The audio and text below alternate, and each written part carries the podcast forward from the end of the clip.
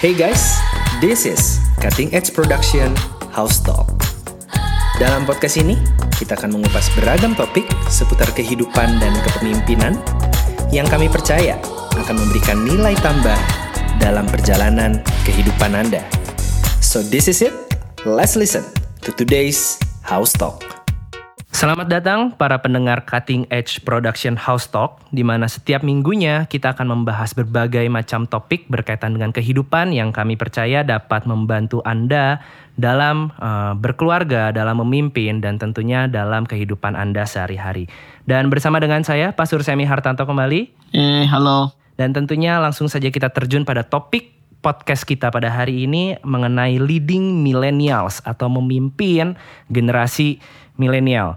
Pak Sursem, tentunya Anda setuju kalau hari-hari ini generasi milenial sudah mulai mendominasi usia produktif. Mm, mm, Dan tentunya sehingga ini menekankan pentingnya bagi kita para pemimpin untuk memperhatikan bagaimana caranya kita memimpin generasi milenial. Ya. Bagaimana menurut Anda Pak Sur mengenai uh, sudah mendominasinya usia milenials dalam usia produktif di hari-hari ini? Ya, millennials dikatakan lahirnya kan tahun 81 sampai 96 ya, 1981 sampai 1996.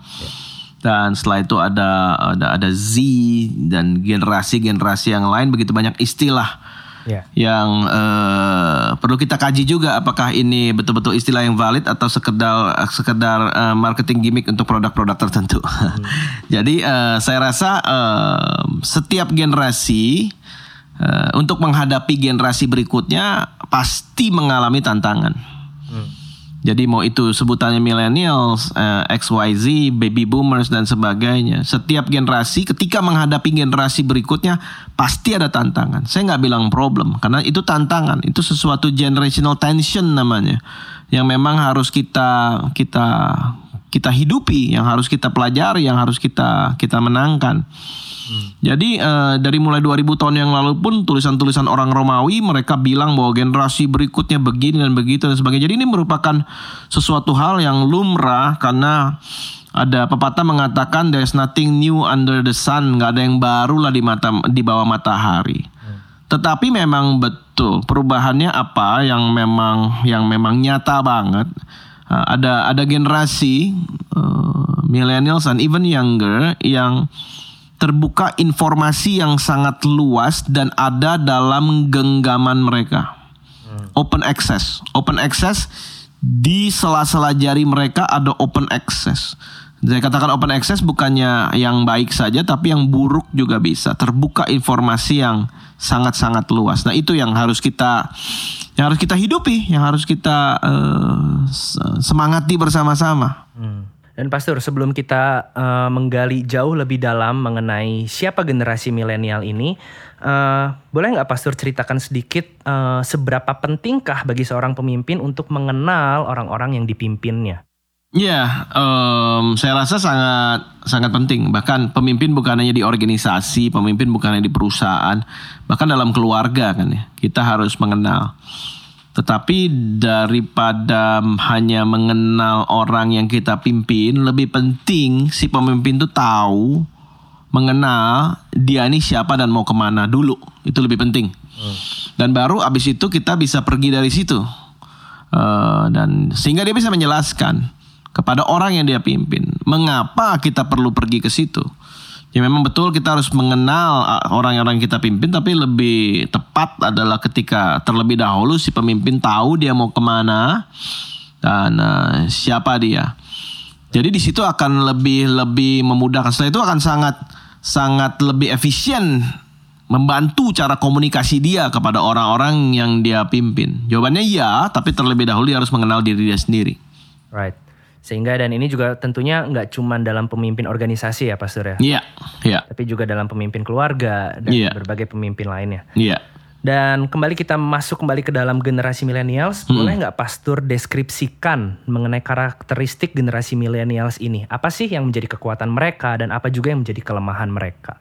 Ya, kekuatannya sangat banyak, sangat banyak. Saya rasa ini merupakan sebuah generasi yang yang belum pernah ada tentu saja sepanjang zaman kan ya. Karena eh, dan sekarang saya lebih prefer menyebutnya next gen sebetulnya.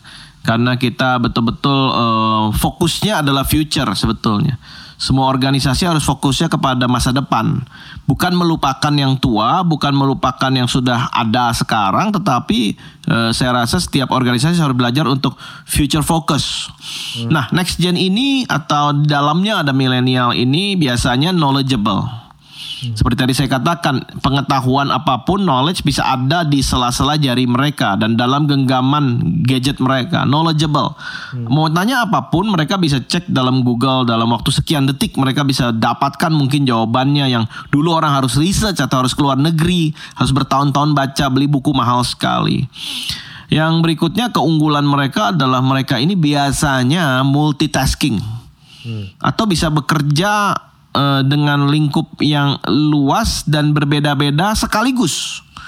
Contoh dalam uh, dalam uh, chatnya kita ya dengan media chatnya kita kita bisa chat dengan 10 orang yang berbeda sekarang.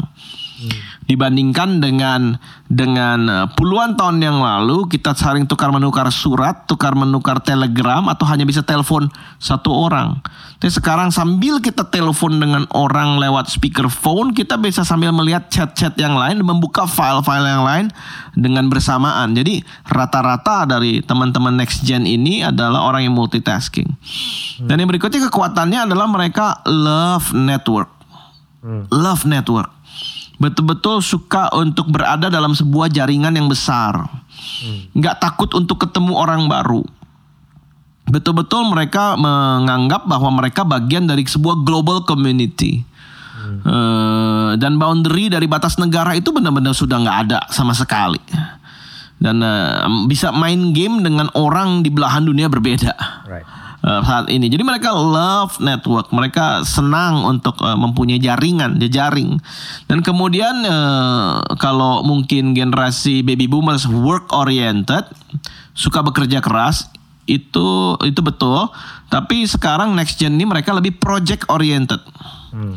project demi project itu membuat mereka uh, bisa mencurahkan energi mereka uh, eh, 100% bahkan lebih untuk project yang mereka sukai lebih daripada sebuah sebuah pekerjaan yang mereka harus jalani secara rutin terus menerus terus menerus. Saya mereka lebih ke arah project. Ada short project satu dua bulan. Ada long project tiga tahun lima tahun. Tetapi lebih ke arah project oriented. Hmm. dan uh, kekuatan mereka yang lain adalah mereka tuh follow passion berani untuk mengikuti uh, bakat dan gairah mereka. Right. jadi uh, begitu banyak bidang-bidang saat ini yang uh, di dalam perguruan tinggi yang dulu nggak ada mata kuliah itu nggak ada.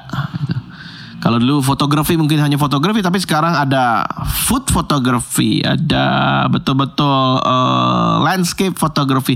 Begitu banyak uh, hal di situ. Desain sekarang desain bisa ada pengembangannya ada puluhan banyak sekali karena orang mempunyai passion yang lebih detail, orang mempunyai passion yang lebih uh, lebih uh, mau sesuai dengan karakter dan kepribadian dia. Yeah. Dan juga salah satu kekuatan dari millennials adalah mereka peduli humanitarian. Hmm. Mereka bukan orang-orang yang egois, tapi mereka sangat peduli tentang iklim, perubahan iklim, lingkungan, kebersihan, atau ada poverty, ada kemiskinan, ada di belahan dunia lain yang membutuhkan apa dan itu mereka dengan informasi yang cepat mereka bisa dapatkan dan mereka bisa mencurahkan bahkan waktu mereka untuk pergi sekian bulan hanya untuk bukan hanya untuk mengurus hal-hal yang mereka anggap uh, penting buat kemanusiaan atau berdampaknya bisa regional atau global. Tetapi saya melihat, saya melihat ada beberapa hal yang harus di harus bisa dicermati juga oleh uh, next gen yaitu um, salah satunya decision making decision making. Pengambilan keputusan sering kali saya melihat agak sulit diambil.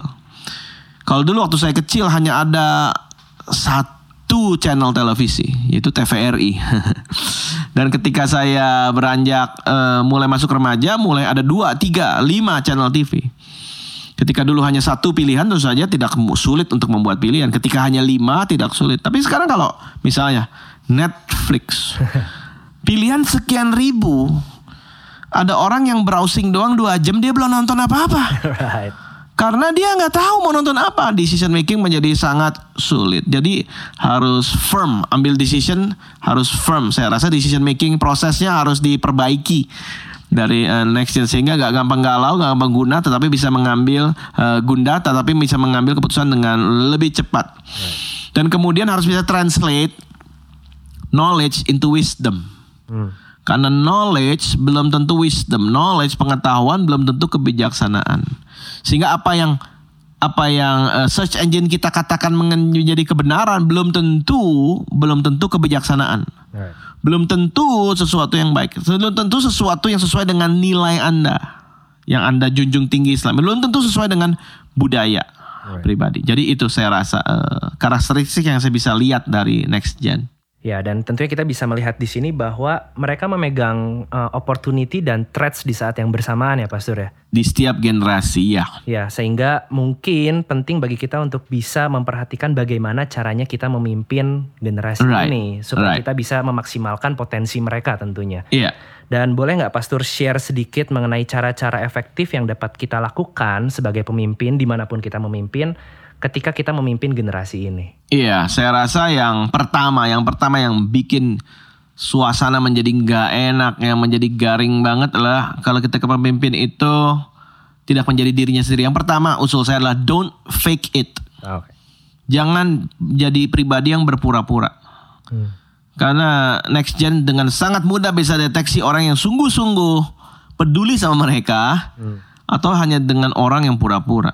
Jadi don't fake it. Mereka lebih senang kalau salah bilang salah, kalau bodoh bilang bodoh, kalau bagus bilang bagus.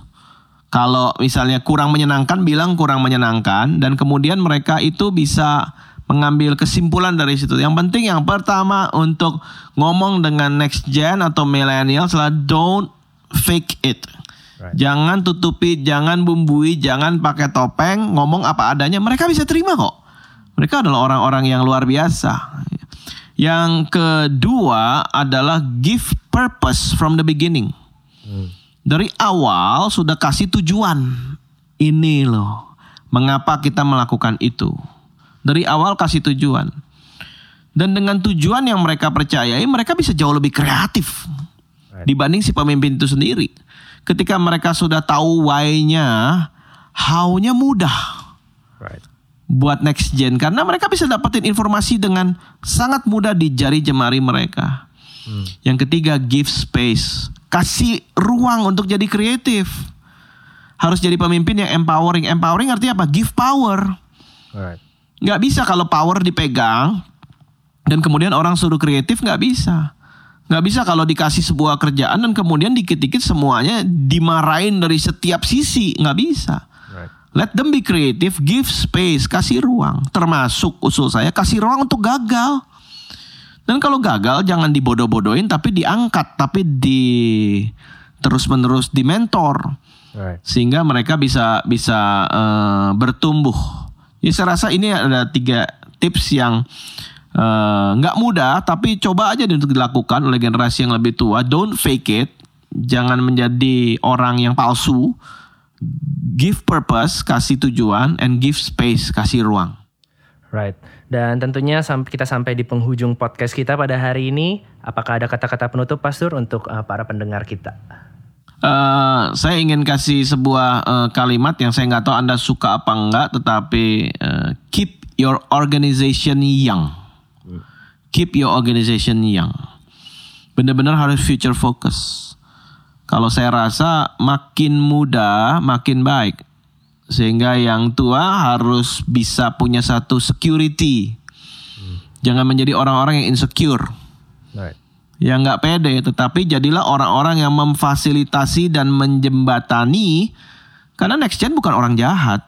Mereka bukan orang yang suka injek-injek orang yang lebih tua, enggak. Hmm. Tapi keep your organization young. Percaya apa enggak, semua akan younger semua akan younger sehingga semuanya akan terus bisa umur panjang dan tersenyum dengan gembira. Itu aja usul saya. Right, terima kasih Pak Sursem yang sudah bergabung dengan Sama -sama. kita di podcast uh, pada hari ini. Kami mengingatkan bagi para pendengar yang ingin untuk memberikan saran mengenai topik dan pertanyaan juga yang tentunya dapat kami bahas dalam podcast ini, dapat mengirimkan uh, berbagai pertanyaan tersebut menuju alamat email cephousetalk@gmail.com. Sampai di sini dan sampai jumpa di podcast berikutnya. Bye bye.